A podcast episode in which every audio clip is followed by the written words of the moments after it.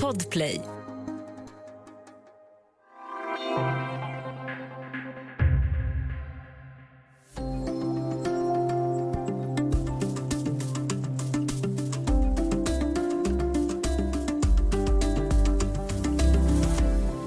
Vissa kallar det lösningen på klimatkrisen och ett sätt att nå 1,5-gradersmålet. Andra menar att det är en livsfarlig distraktion. Den nya anläggningen Orka som suger upp koldioxid direkt ur luften har skapat rubriker världen över. Men vad har tekniken egentligen för potential?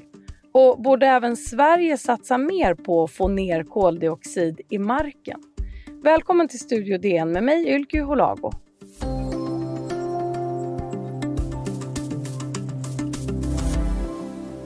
Och med oss idag från klimatmötet COP26 i Glasgow är Peter Alestig, klimatredaktör på Dagens Nyheter. Hej Peter!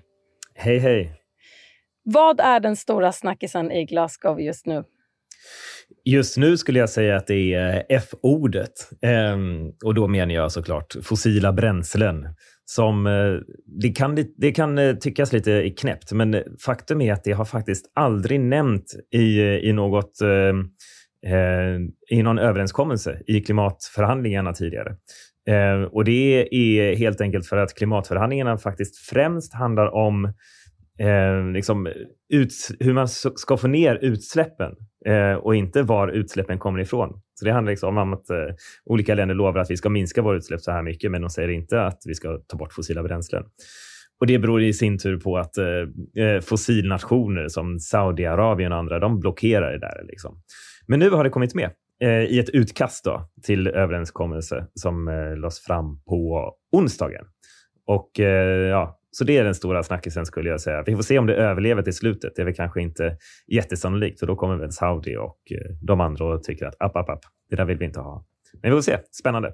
Ja, verkligen. Vi har också hört mycket om nettoutsläpp och netto noll som det också kallas. Det är en stor stridsfråga under mötet. Vad innebär det? Ja, men precis. Alltså, och nu, eh, det som man diskuterar på mötet är som sagt då, hur ska de olika länderna minska sina utsläpp och liksom alla teknikaliteter kring det.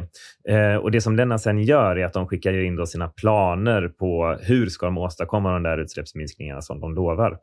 Och där säger i princip alla netto noll till 2050 för EU till exempel, 2060 för Kina, 2070 för Indien. Eh, och det där netto är ett jäkligt avgörande ord i sammanhanget. Det betyder nämligen att man behöver inte ta bort riktigt alla utsläpp eh, utan man kan kompensera för en del av utsläppen genom andra åtgärder eh, som man kan sammanfatta genom att kalla dem minusutsläpp helt enkelt. Och där finns det lite olika sätt att göra det. Det vanligaste nu är helt enkelt att plantera träd, för träd suger upp koldioxid ur luften. Eh, bland annat Sverige har ju också det här som strategi. Liksom. 15 procent av de utsläpp som, eh, som vi har nu, de räknar vi att vi ska kompensera för på ett eller annat sätt. Och Det här med att minska koldioxidutsläppen det är ju alltså avgörande. Vad genererar mest koldioxid idag? Ja, alltså fossila bränslen då, om, eh, om man ska liksom ta det breda greppet. Det är liksom den absoluta majoriteten. Det finns en liten del av de utsläpp som människan orsakar som beror på förändrad markanvändning som det heter. Alltså, det vill säga att vi kanske hugger ner träd istället för att eh, plantera träd. Eh, men eh, sen så är ju utav de fossila bränslena då, så brukar man säga att eh, en stor del kommer från industrin en stor del kommer från transporterna och en stor del kommer från hur vi gör vår el.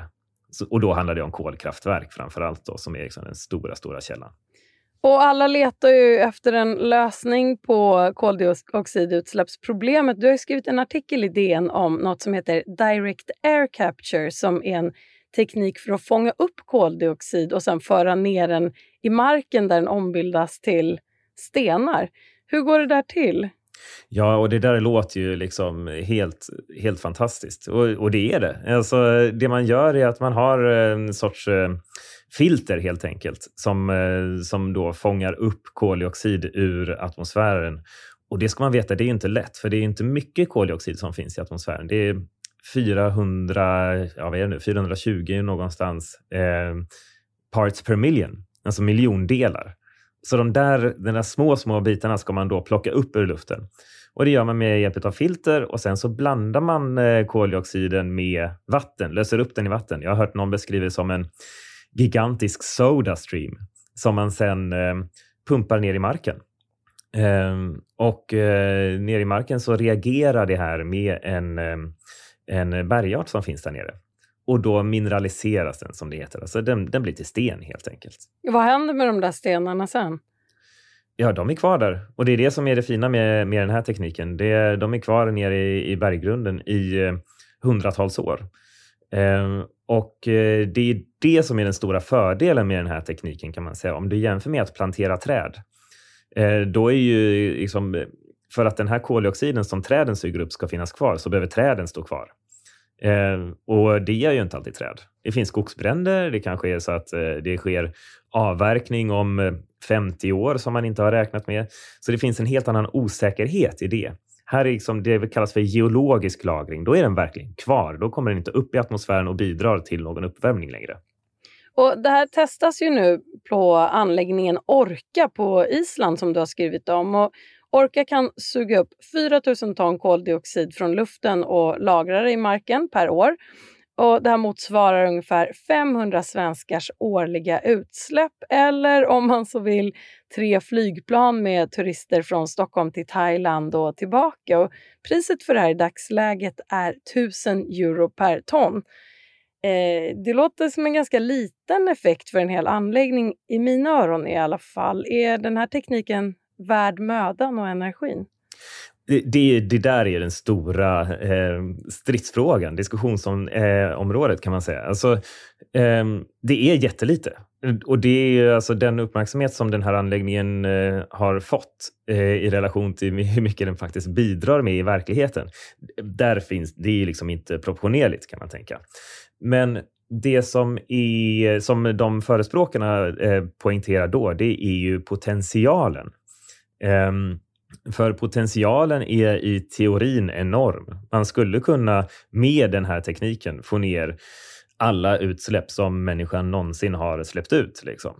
Ehm, men det var en person som jag pratade med, eh, en Chalmersforskare, som, eh, som sa att han är allergisk mot just ordet potential, för det blir ju ofta då liksom teoretiska beräkningar som kanske inte alls har så mycket med verkligheten att göra. Jag menar, man kan väl i teorin räkna att vi ska plantera skog över hela världen också. Och så tittar man, oj, kolla vilken potential det finns i trädplantering. Men det funkar inte i verkligheten. Vi ska ta en kort paus och sen prata vidare om klimatfrågan och den här koldioxidsugtekniken Direct Air Capture.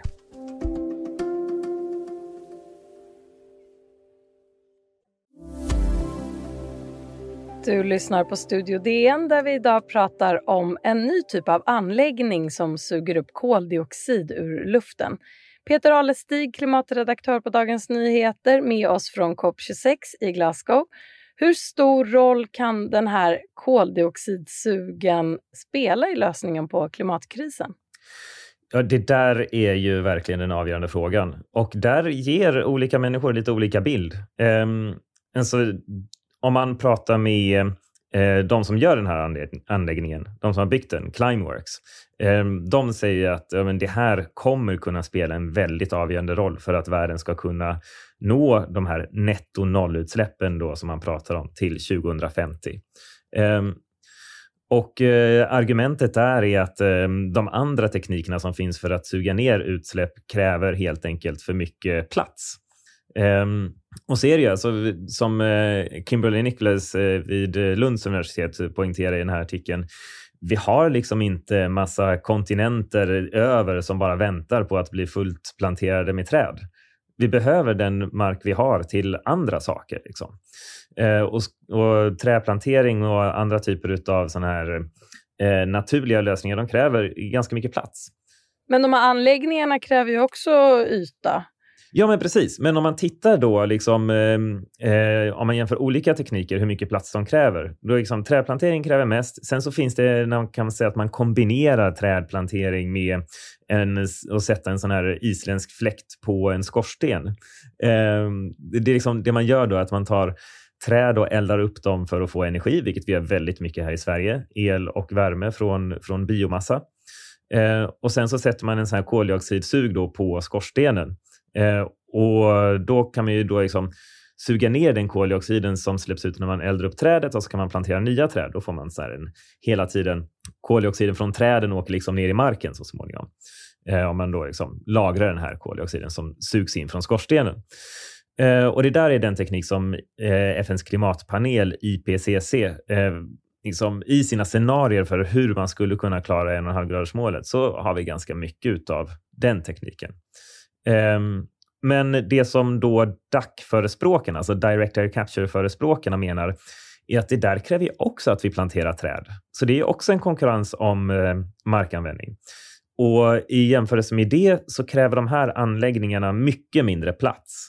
Ehm, det som gör å andra sidan att de är otroligt dyra, det är att det krävs enormt mycket energi för att fånga, som jag sa tidigare, det är liksom eh, 420 miljondelar eller 413 är det väl exakt. Eh, och, så det krävs jättemycket energi för att fånga upp de här små partiklarna och skicka ner dem i marken. Och vad går den här Orka, hur drivs den? Den drivs av geotermisk energi. Eh, det är därför Island är så himla bra. Så då har man ju liksom väldigt mycket grön energi eller klimatsmart energi. Då. Eh, för jag menar, det, alltså, man kan ju inte driva det där med kolkraftverk. Då är det ju liksom hål i huvudet. Så det måste ju vara grön energi och eh, Climeworks poängterar också att det måste vara eh, ny grön energi. Alltså det får inte konkurrera med, med eh, grön energi som eh, man hade haft annars. För då tar man ju också liksom från den övriga omställningen.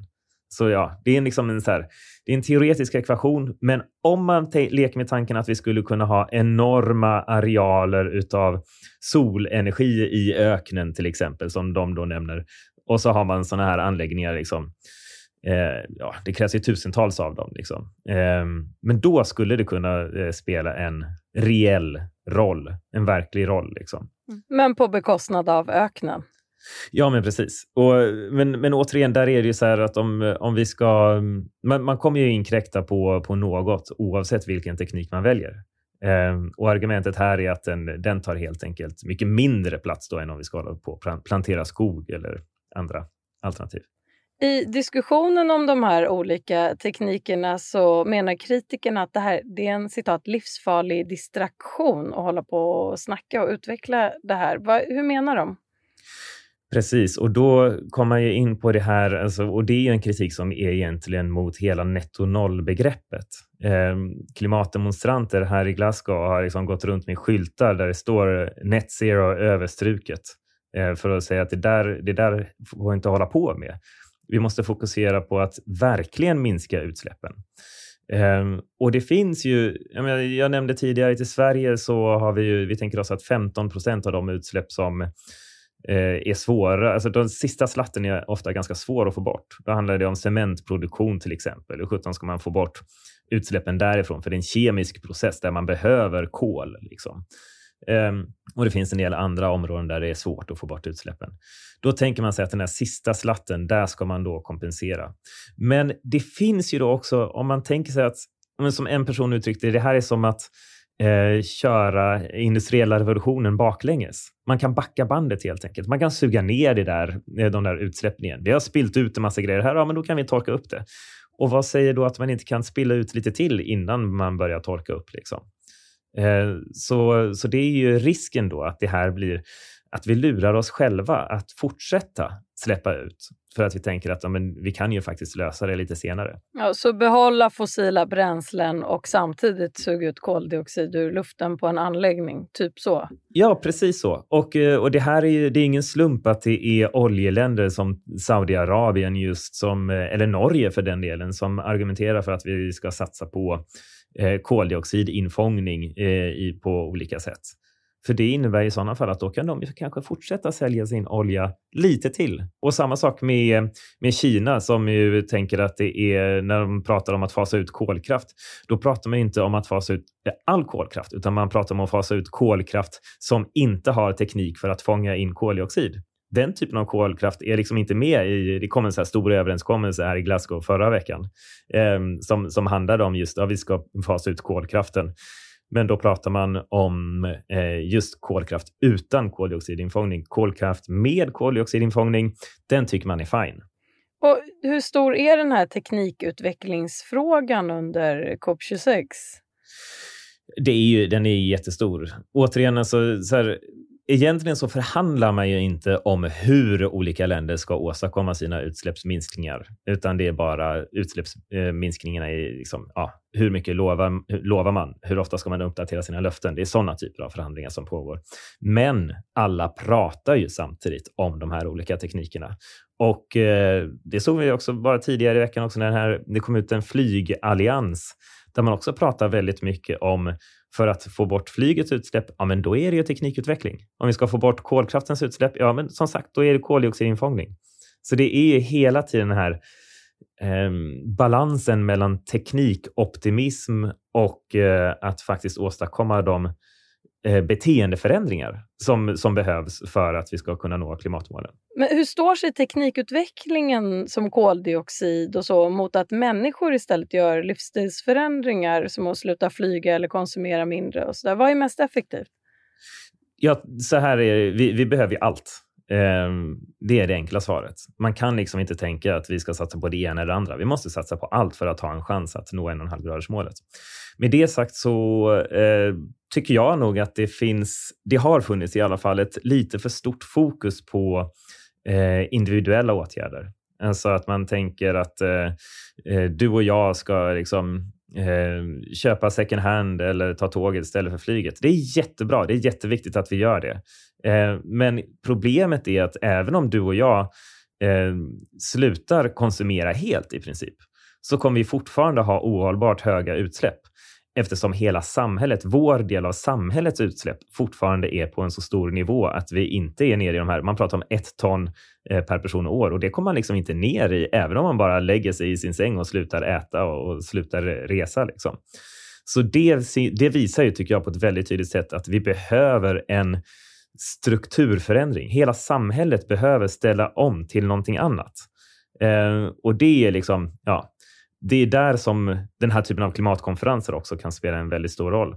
För det som händer här är att man, de här flummiga överenskommelserna, ordrika bla bla bla som Greta Thunberg säger, om slash när de börjar omvandlas till reell politik, då kan det få väldigt stora förändringar för, eh, för den här, hela samhället, hela strukturen. Hur vi bygger vårt samhälle kan förändras helt enkelt. COP26 är ju snart slut. Eh, det ska eh, produceras, de här dokumenten då, som också väcker stark kritik. Vad tror du kommer hända härnäst, när alla har flugit hem?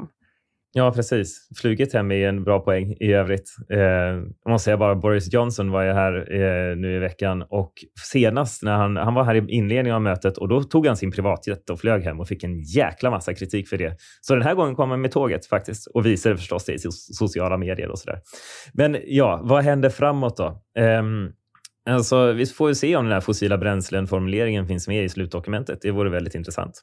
Det är inte omöjligt. Jag tror inte att det är så sannolikt att den överlever. Ehm, men sen så det som är ju eh, stora frågor i övrigt är till exempel finansiering av eh, klimatomställning i fattiga länder där de rika länderna har lovat en massa pengar. Där är en massa kritik från de fattiga länderna att eh, de rika länderna inte har uppfyllt sina löften.